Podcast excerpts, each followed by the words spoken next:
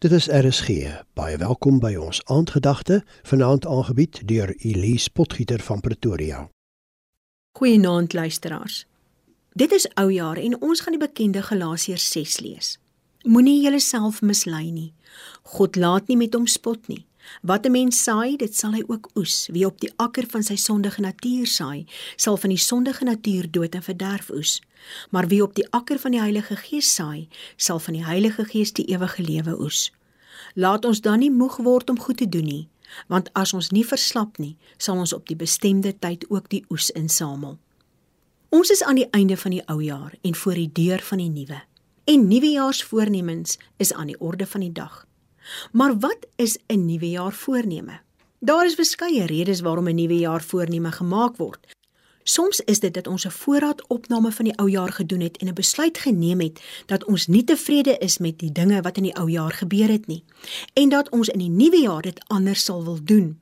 Soms begeer ons dinge wat ons nie in die ou jaar kon bereik nie weens verskeie omstandighede en dan word daar 'n besluit geneem om dit te verander. Maar Paulus het 'n ander voorstel wat hy maak ten opsigte van 'n nuwe jaar voorneme. Hy verduidelik aan die Galasiërs dat hulle hulle redding Christus moet maak. Hy verduidelik aan die Galasiërs dat hulle hulle redding in Christus moet soek met die klem op soek.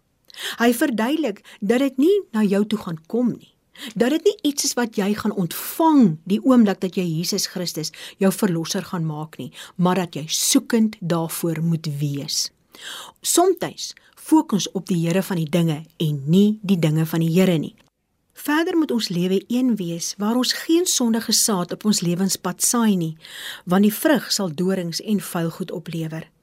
As ons vlees saai, gaan ons vlees en korrupsie oes. Maar Ons moet ons deur die Heilige Gees wat in ons woon, wat ons siele beseël het as God se eiendom, laat lei.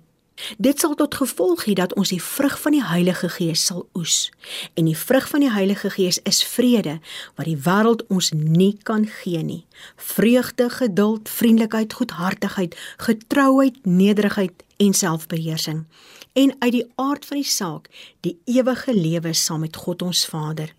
So kom ons bid vanaand, Almagtige Vader, in die naam van Jesus Christus.